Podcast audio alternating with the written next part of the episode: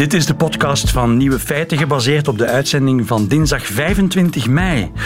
Het nieuwe feit van de dag is dat de Nederlandse overheid vandaag een nieuwe gezondheidscampagne lanceert. Fit op jouw manier. Ze willen de Nederlanders aansporen om gezonder te gaan leven en zo hun weerstand verhogen. En dat met kleine, haalbare stapjes, kleine tips. Die staan op de website fitopjouwmanier.nl.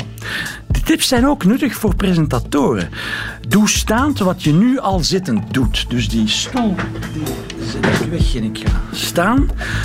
Poets je tanden op één been. Uh, ik denk dat ze mee bedoelen, doe werkjes die je normaal staande doet, doe dat eens op één been. Dus ik ga presenteren op één been. En span je bilspieren tijdens het werk. Dat doe ik nu ook. Als ik een klein beetje gecrispeerd klink, dan is dat aan de Nederlandse overheid te wijten.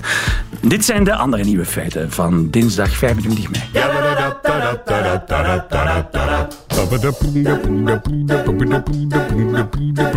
Nieuwe feiten. Beste luisteraar, ik veronderstel dat als u ergens naartoe moet waar u de weg niet goed kent, dat u al lang niet meer met papieren kaarten aan de slag gaat, maar dat u vertrouwt op uw GPS-systeem op elektronica.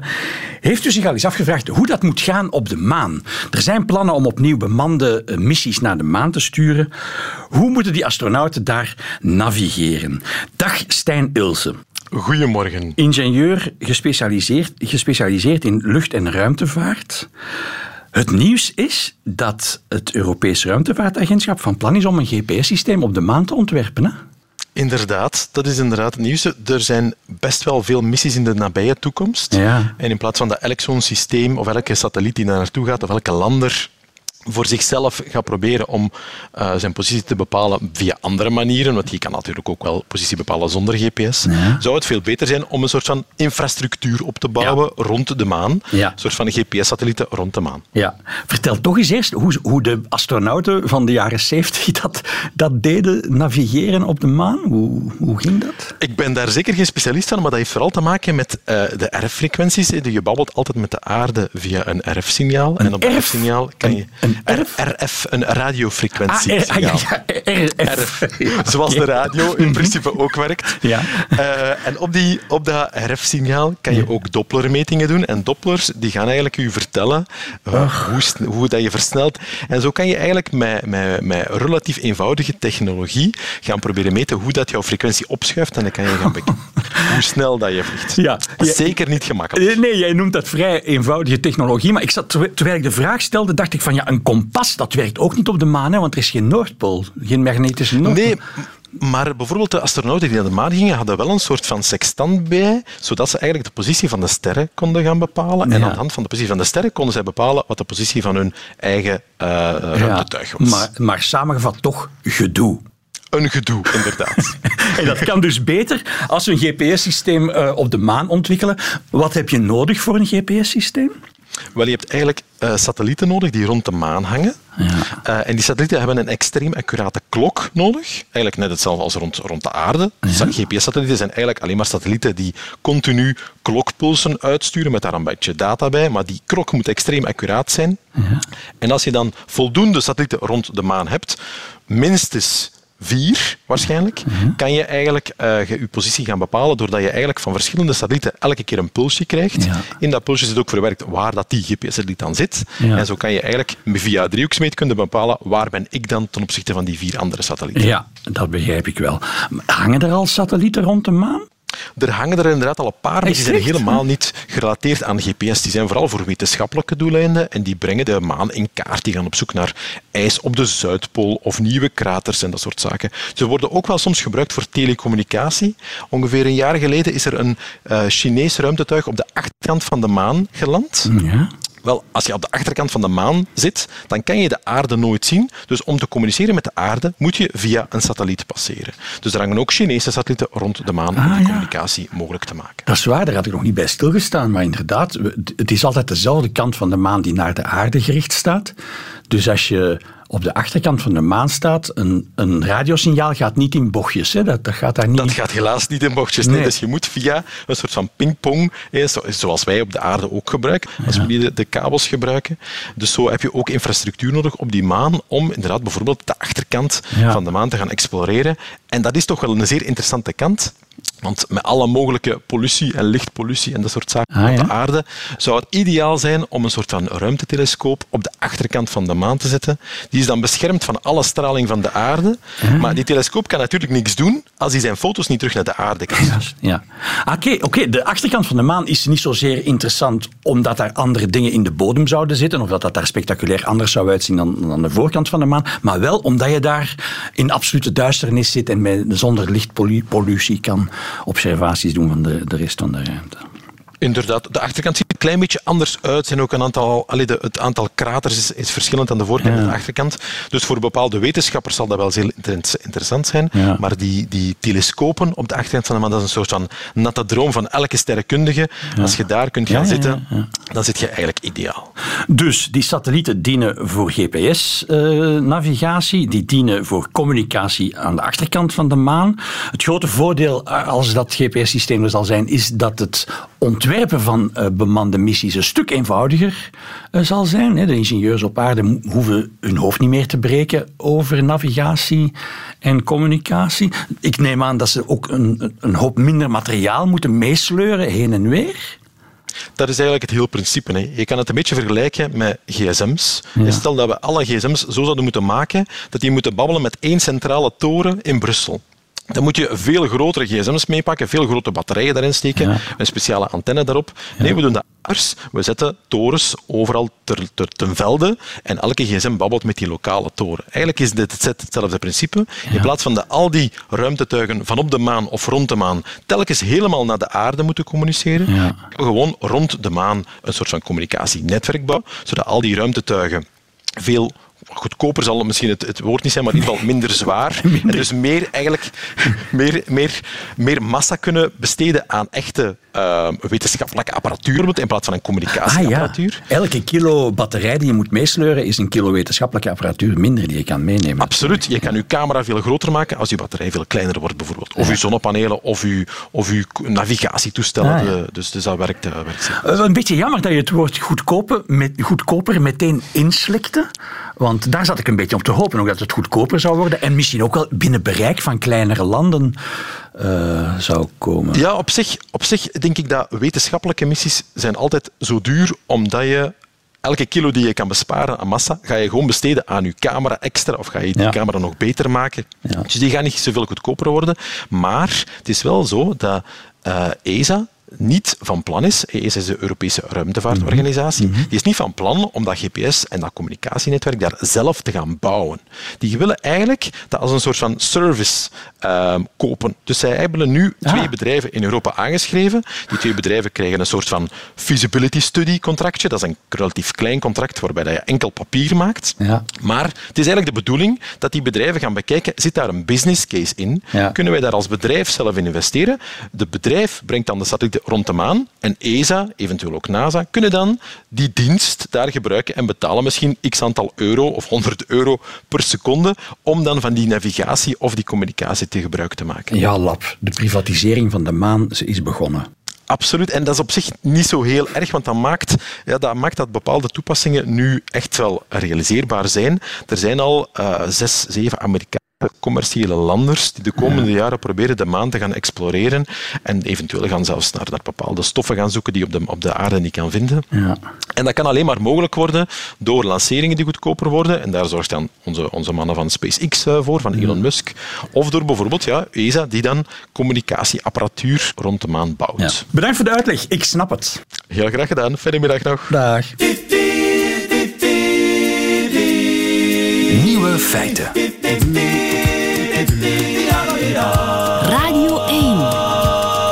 De website Vibe reikt elk jaar een scriptieprijs uit. En de winnaar daarvan heb ik aan de lijn. Dag Lieslot Leconte. Een heel goedemiddag, Koen. Ik vind het een beetje ingewikkeld om uit te leggen waar jouw scriptie over gaat. Het gaat over muziek, dat is duidelijk. Maar het gaat over het en, en nu zoek ik het juiste woord, het diplomatieke gebruik van muziek of eh, de manier waarop landen, want het gaat over, over staten, over landen, muziek inzetten om aan reputatiemanagement te doen, om hun imago in het buitenland bij te werken. Eh, eh, dat, dat is het zo ongeveer, toch? Hè? Ja, dat is eigenlijk heel mooi samengevat. Ah, toch? Um, ik vond het een beetje lastig. Ja. Uh, in één term is dat, beschrijf je heel mooi wat soft power is. Uh, dus soft power is eigenlijk het allemaal gaan aan methodes uh, en, en eigenlijk ja, jezelf om ja, als staat aantrekkelijk te maken bij de buitenlandse bevolking, zodat zij uh, ja, positieve opinies en, en, positieve associaties zullen maken met jouw uh, cultuur en de waarden waar jij voor staat. Kan je dat meteen heel concreet maken? Zijn er buitenlandse artiesten die in opdracht van hun land liedjes maken? Het, het, is iets uh, genuanceerder en iets uh, moeilijker dan dat. Uh, want we merken eigenlijk dat als landen echt dus ja, artiesten gaan uitsturen met van goed, creëren nou eens wat softpower voor ons, dat dat eerder een averechts effect zal hebben. Dat denk ik ook, ja. wat we wel ge zien gebeuren is dat... Ehm, heel veel landen initiatieven nemen om eigenlijk zo goed mogelijk een uh, muziek, of breder gezegd de culturele sector te gaan ondersteunen, om eigenlijk een klimaat te gaan creëren uh, waarbij dat hun muzikanten, artiesten um, gemakkelijk eigenlijk het buitenland of de buitenlandse ah. bevolking bereiken. Ah, het gaat dus niet over het expliciet verspreiden van politieke boodschappen in liedjesteksten of zo. Nee, nee, nee. Het gaat over ja, cultuur, culturele promotie bijna. Ja, het is dus inderdaad op een. Het, het is heel moeilijk om een link te leggen tussen een maatregel die genomen wordt of een, een beleid dat wordt uitgestippeld wordt en een rechtstreeks daar, gevolg daarvan in het buitenland. Um, het is heel moeilijk om dat te gaan onderzoeken. Ja. Maar we zien wel dat dus op lange termijn uh, staten die effectief proberen om, om een, een, positief klimaat te gaan creëren voor hun kunsten, ja. ook erin slagen om een zekere uh, ja, positieve attitudes te gaan opwekken eens dat die cultuur het buitenland uh, bereikt. Ja, als je het zo uitlegt... Maar het is echt wel een lange termijn uh, visie dat er moet aangewacht worden. Als je het eh, zo uitlegt, wordt het meteen heel duidelijk. Hè. Ook bij ons, onze overheid doet dat ook. Hè. De Vlaamse cultuur promoot in het buitenland. Bijvoorbeeld in de beeldende kunsten aandacht op, op de Vlaamse meesters en de Vlaamse primitieven en Rubens en, en consorten leggen. En dat, ja, dat levert dan toerisme op. Dat is het eerste waar ik aan denk. Maar misschien is, gaat het veel breder dan dat. Ja, nee, toerisme is zeker één, um, één mooi aspect ervan. Maar het gaat inderdaad, ja, er worden ook inkomsten gegenereerd. Maar uh, ja, het, het, is eigenlijk... Dat is één mooi effect ervan, toerisme. Maar het gaat ook soms ja, om, om harder te kunnen wegen op... Uh, ja, de internationale besluitvorming. Ah, ja? Uh, ja? dus het gaat echt wel tot zover. Um, Daar moet je voorbeelden van. Is heel... Daar moet je voorbeelden van geven. Hoe heeft muziek, want het gaat heel, je, je spitst je toe op muziek, hè? hoe heeft muziek bijgedragen tot ja, diplomatieke uh, ver, uh, verwezenlijkingen van bepaalde landen? Wel, ik zou daar eigenlijk graag voor um, het, het, voorbeeld van K-pop aanhalen. Um, K-pop, dus dat is die Koreaanse, Koreaanse popmuziek, hè? Ja, inderdaad. Um, dus in 2005 uh, begon Zuid-Korea te beseffen dat ze toch iets zullen moeten doen aan een imago, dat uh, ze er met enkel een economische... Um, mm. Ja, uh, grote bedrijven zoals Samsung, dat ze daar eigenlijk ja, ja. niet genoeg uh, grip op hadden of dat ze zo niet genoeg konden wegen op het internationale toneel. En dan zijn ze het over een andere boeg gaan gooien en hebben ze eigenlijk een gigantisch bedrag, dus 1 miljard Amerikaanse dollar gepompt in de uitbouw van een um, ja, muzieksector. Ja. En ook allerlei opleidingen uh, geïnstalleerd om dus echt die, die popmuzikanten te gaan okay. uh, klaarstomen. Mm -hmm. En we zien dat inderdaad zoveel jaar later, dat uh, alleen toch veel studies die aantonen dat Zuid-Korea toch zeker ja. spreken zelf Japan van uh, de troon heeft gestoten als zijnde de belangrijkste regionale speler uh, niet alleen op cultureel vlak, maar dus ook op, op, op politiek vlak. Ah ja, dus inderdaad, die K-pop is ontzettend populair geworden. En als ja, wat oudere grijze man sta ik daar verbaasd naar te kijken hoe het mogelijk is. Want echt kwaliteit is dat toch niet, meen ik te mogen zeggen. Maar daar zit dus beleid achter. Daar zit subsidie achter. Daar zit politiek achter. Ja, absoluut. Um, en waarom is het ook zo succesvol? Is omdat ze inderdaad en echt in dat, zoals ik net al zei, eh, het klimaat gaan creëren. Dus ze hebben eigenlijk vanaf de bodem het uitgebouwd, maar ze gaan niet zeggen uh, tegen BTS, goed, gaan jullie nu maar een keer op tour en, en zing dit liedje over hoe tof dat nee. wel is in Zuid-Korea en kom er allemaal af. Nee. Maar de, veel mensen zien dat, het wordt populair eh, en dan gaan ze inderdaad ook wel een keer op bezoek naar Zuid-Korea, want en dan die, komen ze in contact met die cultuur, komen terug thuis en zeggen van, god, ja, die Zuid-Koreanen, toffe mensen. Leren, uh, leren andere landen daar lessen uit? Zijn er uh, andere landen die dat succes van K-pop proberen te imiteren of te evenaren? Ja, je hebt uh, tegenwoordig ook C-pop.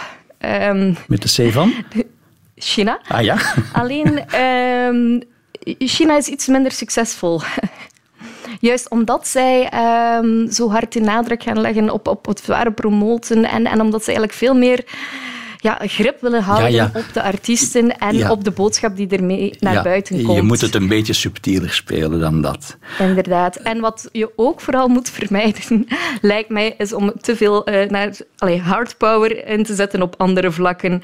Want uh, je mag nog zoveel proberen soft power te genereren als je wil als er te veel uh, ja, op andere vlakken nog mensenrechten met de voeten worden getreden, of als je te veel tegen de borst stoot van de internationale gemeenschap, ja.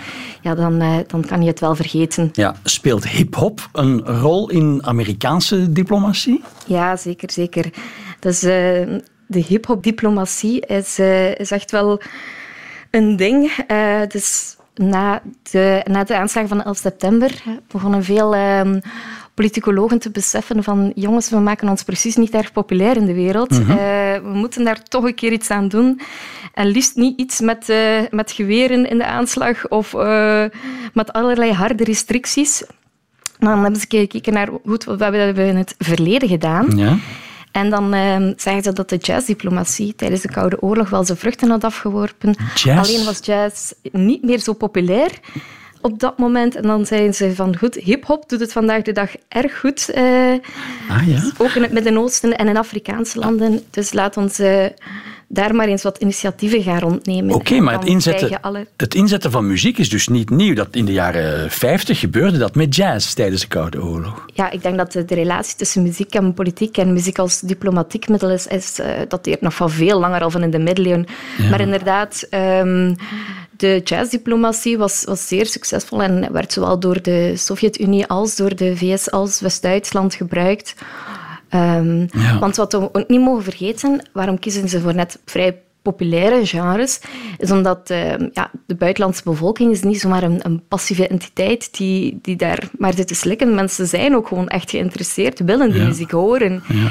En natuurlijk, ja, het is het ideale verpakkingsmiddel om dan ook wel uh, wat waarden en normen en, en ergens ja. toch een boodschap die daarin sluit. Omdat jij als artiest nu eenmaal ja, opgegroeid bent in een bepaalde cultuur en dat neem je ook wel mee. En dan uh, door in contact te komen met uh, de lokale bevolking, krijg je eigenlijk een heel mooie wisselwerking tussen Precies. die twee. En daarom is de muziek zo succesvol om soft power te gaan... Uh, ja, te gaan vergroten. En ik heb nog nooit een betoging tegen jazz uh, weten georganiseerd worden. Wel tegen kernwapens en tegen oorlog, allerlei dingen, maar, maar niet tegen jazz en hip-hop. Ja, dus het is een heel mooi glijmiddel om uh, ja, bepaalde ja, boodschappen te gaan verpakken. En in die zin is, is, zeker de muziek ook geen neutraal gegeven. Want ik denk dat we niet te positief mogen gaan spreken over die soft power, want het blijft wel power uiteindelijk. Het, blijft een manier om uh, om te gaan wegen op het uh, internationale toneel. Oké, dus het, goh, je moet als radiomaker gaan nadenken welk land steun ik door de volgende plaat in interne, in, door de volgende plaat in nieuwe feiten. Ik ga daar nu toch even... ik kijk met grote twijfel naar de andere kant van het glas, naar de muziek samenstellen. ik, ik, zie die met cd's beginnen rommelen, ben benieuwd wat hij er gaat uithalen. Lieslotte komt... ik denk dat we in, eh, in eerste instantie gewoon echt moeten genieten van de dat. Dat dat nog altijd het voornaamste is. Oké. Okay. Lieslotte Conte, dankjewel. En proficiat met je scriptieprijs. Hartelijk dank daarvoor. Dag.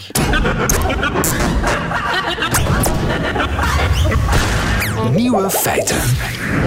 Het is een thema dat al een paar jaar sluimert in de actualiteit, nooit echt naar boven komt, maar er verschijnen af en toe wel artikels over het Havana-syndroom. Het Havana-syndroom is een ja, mysterieuze ziekte die eh, diplomaten treft, Amerikaanse diplomaten treft in Cuba. Goedemiddag, Bert de Vroei. Goedemiddag.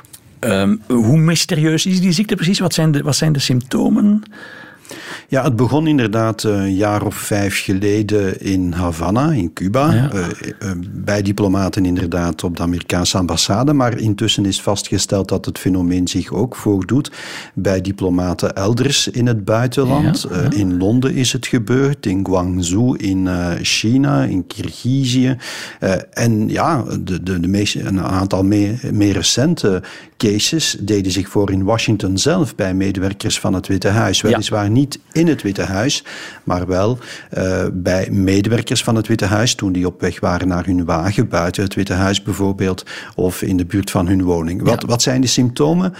Het begint meestal met een soort oorsuizing of pijn in het oor, een, een, een ringtoon. Of uh, sommigen vergelijken het blijkbaar met heel veel krekels die heel uit in je oren lijken te, te, te zoomen. Mm-hmm. En dan hoofdpijn en duizeligheid. En uh, sommigen die zelfs uh, urenlang niet konden praten. Dus ja, heel onrustwekkende verschijnselen. Ja, en ik herinner mij een paar jaar geleden dat er dan werd vermoed dat dat te maken had met ja, een of ander toestelletje dat in de ambassade in, in Havana zou ingebouwd zijn. Of dat, er, werden, er allerlei verklaringen gezocht. Ja. Um, maar nu het zich uitbreidt over de hele wereld en zelfs in het Witte Huis, dat, dat maakt het allemaal nog veel mysterieuzer.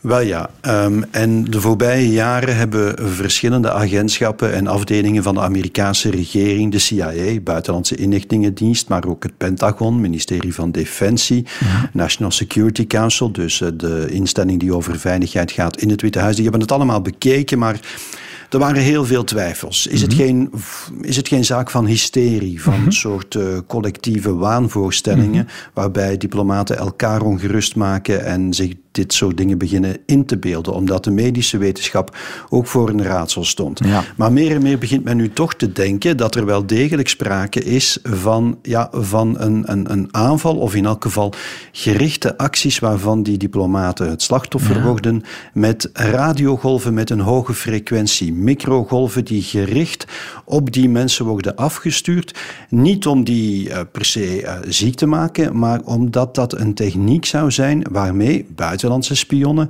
eventueel zouden kunnen proberen om gegevens van hun telefoons uh, weg te ah. plukken. En maar uh, dat heeft dan als, als heel nare uh, bijeffecten dat ze, dat, ze die, uh, dat ze die symptomen voelen. Ah ja, en dat verklaart ook waarom diplomaten er zeer individueel last van hadden. Hè? Dus je vertelde zelf dat het begon met een, een, een vreemd geluid dat die mensen ja. hoorden. Maar zij hoorden dat, al enkel zij hoorden dat. Andere mensen in ja. dezelfde ruimte of hetzelfde gebouw hoorden dat geluid niet. Wel, soms in dezelfde ruimte wel. Er is ook het geval bijvoorbeeld bekend van een diplomaat ergens in het buitenland die zijn auto zit in een parkeergarage. Ja. Die begint plots een geweldige hoofdpijn te voelen. En zijn zoontje van twee begint luid te huilen. Ah, dus toch, dat zoontje ja. heeft ook iets gevoeld. Maar als ze die parkeergarage uitrijden, dan, dan gaat het snel voorbij. Hoewel sommigen toch wel er uh, ja, zelfs jarenlang de gevolgen van, van kunnen God, dragen. Ja. Met duizeligheid en, en dat soort dingen. Maar inderdaad, het, heeft, het lijkt er dus wel op te wijzen dat die straling, als het daarover gaat, zich uh, heel gericht ook op iemand richt. En ook op een bepaalde locatie. In één geval heeft men vastgesteld dat er, um, toen dat gebeurde bij diplomaten, dat er toen ook, toevallig of niet, wagens in de buurt waren waarvan men weet dat die toebehoorden aan Russische spionnen. Want ja. men weet dat wel in, uh, mm. uh, in dat soort middens. Uh, Russische spionnen volgen Amerikaanse spionnen en ja. omgekeerd en zo. Dus die weten dat wel een beetje van elkaar wanneer die gevolgd worden. En mm-hmm. toen een van die verschijnselen zich voordeed, was dat ook het geval. Ja. Ja, voilà, dus we hebben al een verdachte. Ja, verdachte, verdachte nummer één is op dit ogenblik Rusland. Ja. En de nieuwe baas van de CIA, die door eh, Joe Biden benoemd is, die neemt het ook serieus. En die heeft nu ook een soort taskforce opgericht om het allemaal nog eens goed te onderzoeken. Ja. En die houdt er ook inderdaad rekening mee dat het, eh, ja, dat het acties zijn van de Russen. Vooral omdat die techniek van eh, radiogolven blijkbaar al 50 jaar geleden ontwikkeld is in de Sovjet-Unie. Dus het is ook niet zo onlogisch om Ja. in die richting te kijken. Ja. En bovendien, Koen, we hebben nu net dit weekend nog het verhaal meegemaakt van Wit-Rusland. Ja. We kennen de, de aanvallen met Novichok, hè, het, het gif, het zenuwgif. Dus we zitten in een wereld waarin dat soort eh, James Bond-achtige technieken plots eh, realiteit lijkt te kunnen worden. Ja. Hoe zou de sfeer zijn onder het diplomatieke en het politieke personeel in de Verenigde Staten? Want dit is echt wel griezelig. Hè? Een, een soort van straal die op je gericht wordt, die dan gezondheidsproblemen voor een aantal maanden veroorzaakt. Ja, dat moet natuurlijk eh, grote ongerustheid eh, veroorzaken. En er zijn blijkbaar ook al, zegt dat artikel dat nu, eh uitvoerig artikel in de New Yorker net gepubliceerd, dat er ook al voorstellen zijn geweest om ja, die Russische spionnen die dat misschien zouden doen, om die ook eh, een lesje te leren, om die wat te gaan intimideren. Want het is, wat ik al zei, vaak een spel tussen dat soort inlichtingendiensten die weten dat ze elkaar volgen en Ja. die, die weten dat ze elkaar dus eigenlijk, soms wordt dat ook een soort pesterijtjes, dus om te zeggen, hou daarmee op. Maar goed, er moet natuurlijk, eh, uiteindelijk kan je dit alleen maar oplossen door een soort tegentechniek te ontwikkelen, waarmee dat je dat soort stralen, als het stralen zijn, want het is nog altijd niet onomstotelijk bewezen, waarmee je dat ook kan afweren of neutraliseren. Het Havana-syndroom. Het blijft Havana-syndroom heten, maar het is dus een syndroom dat zich over de rest van de wereld verspreidt. Bert de Vroei, dankjewel. Nieuwe feiten. We moeten het nog eens over beerdiertjes hebben. Ja, nog eens, want beerdiertjes zijn populair, eh, zowel in de media als in de wetenschap. Beerdiertjes namelijk zijn... Er zijn twee dingen over te vertellen. Iets positiefs, namelijk ze zijn zo goed als onsterfelijk.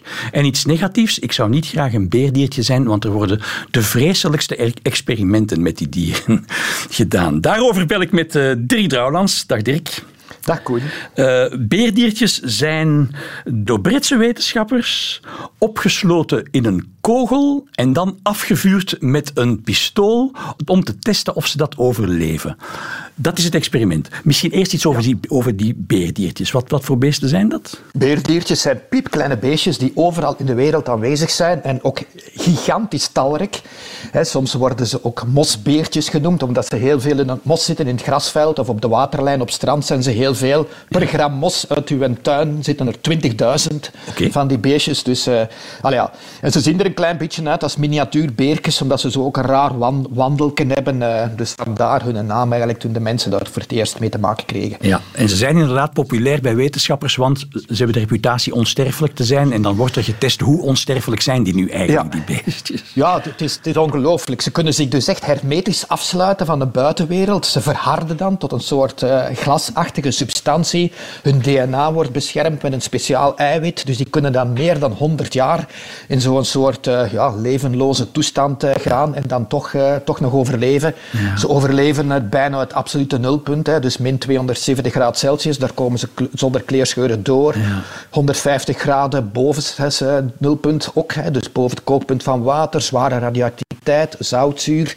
En het zijn tot dusver de enige meercellige beestjes die zonder hulp een ruimtewandeling van zelfs 10 dagen hebben overleefd. Dus Ja. na een half uurtje, 10 dagen ruimwandeling, na een half uurtje was, was een twee derde van die beestjes terug eh, springlevend. Ja. Dus ze, kunnen, eh, ze zijn echt werkelijk in staat zichzelf compleet af te sluiten Fascinerend, van de meest afreuze leefomstandigheden. Ja, maar je zei zelf wel, na 100 of 120 jaar kunnen ze dan opnieuw tot leven gewekt worden. Eh, na duizend jaar ook nog. Is, het, is, het, zit er rek, zit, is de rek eindeloos of er? Ja, dat, dat, is dus, dat is dus de vraag. Hè, van hoe, hoe lang kun je levenloos blijven en dan toch doen alsof dat er niks Ja, gebeurd is. ja. Eh, waarschijnlijk, eh, waarschijnlijk gaat het nog, inderdaad nog wel verder dan hetgeen dat ze tot dusver hebben kunnen, eh, kunnen aangaan. Maar ja, voor zo'n piepklein beestje is 100 jaar natuurlijk een eeuwigheid hè, rond te normen. Het, het niet weten. maar goed, dus nu dat experiment. Je, je zei al, oh, je vertelde al iets over die maanwandeling. Het experiment waar we het nu over hebben, namelijk dat afschieten met een kogel. Dat heeft met ruimtevaartwetenschap te maken. Hè? Ja, er is dus, uh, ik, ik, wist dat niet, maar het, uh, in 2019 is er daar die mislukte Israëlische poging tot maanlanding geweest. Ook de eerste privé hè, poging tot maanlanding. Die is mislukt, want dat ding is gecrashed mm -hmm. op de maan. Maar blijkbaar waren daar beerdiertjes aanwezig. Dus die hadden een, een kleine, kleine hoeveelheid beerdiertjes meegestuurd. En de vraag was kunnen die beestjes zo'n crash overleven. Dus zo'n maanlander van op aarde die op de maan neerslaat, is dat krachtig genoeg om beerdiertjes te liquideren. Mm -hmm. En dat hebben ze dus willen testen met een experiment op aarde. Een ethisch goedgekeurd experiment wordt twintig keer benadrukt in die paper. Mm -hmm. Ondanks het feit dat ze die beerdiertjes, dus uh, enfin, ze bevriezen die wel, hè, 48 uur zwaar in een diepvries, dus dan gaan die in die levenloze toestand. Mm -hmm. En dan hebben ze die, een twintigtal hebben ze gebruikt en hebben ze die per twee, drie in een nylon kogel gestoken en die dan afgeschoten niet met een gewoon geweer, maar met een lichtgaskanon. Dat nog tien keer krachtiger is dan, dan een klassiek pistool. Mm-hmm. En waarmee men dus crashen tussen ruimteobjecten uh, uh, bestudeert. En dat ding, dus daar hebben ze dan mee geschoten op een hoop zand die een paar meter verder lag. Mm-hmm. En dat gaf een snelheid van, een impactsnelheid van 900 meter per seconde. En een druk, een gigantische druk van 1,14 gigapascal. Dat is 1 miljard pascal. En wij zitten zo bij ons met, met 100 pascal als, als, als, als atmosferische druk. Hè. Ja, ja. Dus het, uh, dat is een gigantische impact. En wat blijkt, ze hebben zo zes schoten gedaan, wat dat eigenlijk wetenschappelijk maar relatief bescheiden is. Ja. En van die zes zijn er vijf waarin dat die beestjes dat overleefden. En alleen de laatste, met een hoogste druk, hè, dat werden ze geliquideerd. Dus men gaat er nu vanuit dat be die beestjes de druk tot 1,14 gigapascal aankunnen. Ja. Maar het belangrijke nieuws was dat die, die, die impactslag op de maan hoger moet geweest zijn, dus dat ze dat eigenlijk niet zouden overleefd kunnen hebben. Ah ja, is dat interessant, Dirk? Ja, dat is, dat is heel die kwestie van, want daar wordt natuurlijk veel gewicht aan gehangen. Ja. Dat is astrobiologie, heet men dat. Van, is er leven in de ruimte? Zijn wij niet alleen? Hè, die grote filosofische vragen. De panspermie, komt het leven eventueel niet uit de ruimte? Dus in die context heeft men dat zo wat gepresenteerd. En dan heeft men nagegaan, onder meer, verschillende dingen hebben ze daarmee proberen te simuleren. Onder andere van, is het mogelijk dat beerdiertjes een crash op de maan overleven? Ja. En in principe als je, als je dus een komeet hebt bijvoorbeeld die op de aarde zou inslaan, dan uiteenspat in brokstukken en een aantal van die brokstukken dan terug de ruimte in katapulteert, als die op de maan zouden invallen, zijn die traag genoeg om die beestdiertjes, beerdiertjes de kans te geven van dat te overleven. Dus in theorie is de panspermie, hè, dus de verdeling van leven door de ruimte via hemellichamen als meteoren en kometen, ja. is in principe op die manier wel verdedigbaar. Ja. En een andere uh, um, praktische toepassing die men zeer vergezocht uh, daaraan gekoppeld heeft, is van, ze, er zijn zo'n paar manen, hè, zoals Europa rond Jupiter en Enceladus rond Saturnus, waar dat men mm -hmm. eventueel van denkt, daar zou leven in kunnen zijn. Als we dat effectief willen gaan onderzoeken en we sturen daar een sonde naartoe, mag die sonde natuurlijk niet erop gaan, want als die dan op zo'n eventueel beerdiertje dat daar zou zijn knalt, is dat ding dood. en dan hebben we daar niks aan om dat ja. als leven te detecteren. Ja. Kei ver gezocht. Ja. Maar bon, om, om dit soort experimenten te verantwoorden, mogen ze wel een ja. inspanning doen. Zie, maar, wat, wat ik mij nu zat af te vragen, terwijl die uitleg aan het doen was over, over de, de, ja, de onsterfelijkheid van die beerdiertjes en, en die maanreizen, is het denkbaar dat er al zo'n beerdiertje met een of andere missie uit de jaren 70 uh, op de maan is terechtgekomen en daar ligt te wachten tot het weer tot leven kan komen. Hebben we, hebben we de maan al besmet met beerdiertjes? Ja, dat is dus, dat is dus uh, uh, mogelijk, denk ik. Hè. Alleen is het natuurlijk in vergelijking met microben bijvoorbeeld, die veel groter drukken kunnen overleven en die ook veel gemakkelijker als verstekeling mee kunnen gaan ah, met een ja. ruimtesonde, dat gaat, dat gaat logischer zijn. Beerdiertjes, beerdiertjes, denk ik, moeten daar echt wel een beetje actiever gaan inzetten ah, okay. dan een microbe. Het punt is ook dat die niet echt kunnen leven op de maan in de huidige omstandigheden. Hè. Zolang dat wij daar niet een soort atmosfeer gaan zetten waar dat wij zelf in kunnen floreren, gaat dat ook voor nee, de beerdiertjes opgaan. Ja. Men noemt dat ze doen alsof ze nog leven, maar eigenlijk zijn ze ja. daar niet levensvatbaar. Nee, maar, maar, ze zijn wel weer tot leven te wekken, dus ja. ze zijn eigenlijk ook nog niet dood. Ja, nee, nu komen we echt in een filosofie terecht. Hè. Je zegt van ze kunnen niet leven op de maan. Nee, nee, maar ze kunnen heel goed dood zijn op de maan. En beerdiertjes zijn daar goed in dood zijn. Voilà, ja. En ze kunnen ook lang dood zijn op de maan en dan misschien binnen 100 jaar. Oh. Hè, dat, als, er, als, er dan een soort maankolonie is, en ineens zitten daar dan die beerdiertjes, zo ziet iedereen zich af te vragen van waar komen die gasjes uit, hè? Beerdiertjes Ja, en die kogel. Dat gaan we. Ja, Dus goed. het is een, eh, laten we zeggen dat, dat het inderdaad een experiment is dat vooral veel filosofische Ja. eh, consequenties heeft en iets minder puur wetenschappelijke. Maar bon, het is boeiend om te weten wat dat die beestjes Zwaar. allemaal aan kunnen. Ik heb ook het gevoel dat het niet de laatste keer is dat we het over een beerdiertje hebben gehad. In Daar vrees ik ook voor, ja. Dirk Trouwlands, tot de volgende keer dan. Hè. Dank u wel, Koen. Groetjes. Het middagjournaal wordt deze week verzorgd door Bas Birker. Nieuwe feiten. Middagjournaal. Liefste landgenoten, ik beken, ook ik heb ruim een jaar toegegeven aan kwaadheid. Te vaak heb ik verbitterd getwitterd over de voorkeurspositie van het profvoetbal in België. Ik was verontwaardigd over de staatssteun terwijl voetballers amper bijdragen aan de sociale zekerheid. Ik was boos omdat shotters mochten werken terwijl artiesten op een houtje moesten bijten. Ik was verbolgen over de feestjes, het geknuffel en het chronisch testoverschot. Maar nu weet ik dat ik fout zat. Het was niets dan rancune en jaloezie. Sorry. Eergisteren zijn mijn ogen geopend. Toen 2000 blauw-zwarte, excuus, mensen van kleur al zuipend, zingend en zoenend vierden dat hun voetbalvereniging kampioen was geworden. Corona leek niet meer te bestaan en terecht. Het is al zo'n donkere tijd. Als er een reden is om zonder mondkap te zingen dat je liever dood bent dan Jood, dan moet je de kans grijpen. Dat is sport.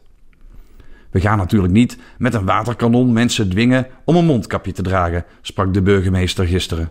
Er waren ook gezinnen met kinderen bij. De oude Bas zou zich afvragen waarom je je kind überhaupt meeneemt naar een dronken mensenmassa. Maar de nieuwe ik begrijpt dat. De nieuwe Bas ziet dat er gedacht wordt in mogelijkheden. En daar wil ik Club Brugge van harte voor bedanken. Wij, culturo's, zouden ook wel eens een feestje willen. Maar er is natuurlijk niks te vieren, dacht de oude Bas. De nieuwe Bas weet dat vorige week de Ultima's zijn uitgereikt. Adil en Bilal kregen de cultuurprijs voor cinema. Luc Lambrecht won de Ultima voor beeldende kunst en de fanfarecultuur werd onderscheiden als immaterieel cultureel erfgoed. Voor de feestvierders van zondag, immaterieel betekent dat je het niet vast kunt pakken, zoals Noah Lang. Erfgoed is een nalatenschap waarvoor je niet moet betalen. Erfgoed, snap je? Ik stel voor dat we dat gaan vieren. Zondag. Aan de Vlaamse Opera. Alle winnaars van een Ultima op het bordes. Wij op het ruime plein ervoor. Bier in twee handen en zingen maar. Forza fanfare. Adil en Bilal. Je moeder is vast trots. Hij schildert met dassen haar. Het is een kundig kunstenaar. Ja la la la la la la la la. We mogen mondmaskerloos muilen en zonder afstand aflebberen. Zolang we maar met meer dan duizend zijn, zal de politie niet ingrijpen om escalatie te voorkomen. En oh ja, vergeet je kinderen niet mee te nemen. Geen beter menselijk schild dan een minderjarige met melktanden.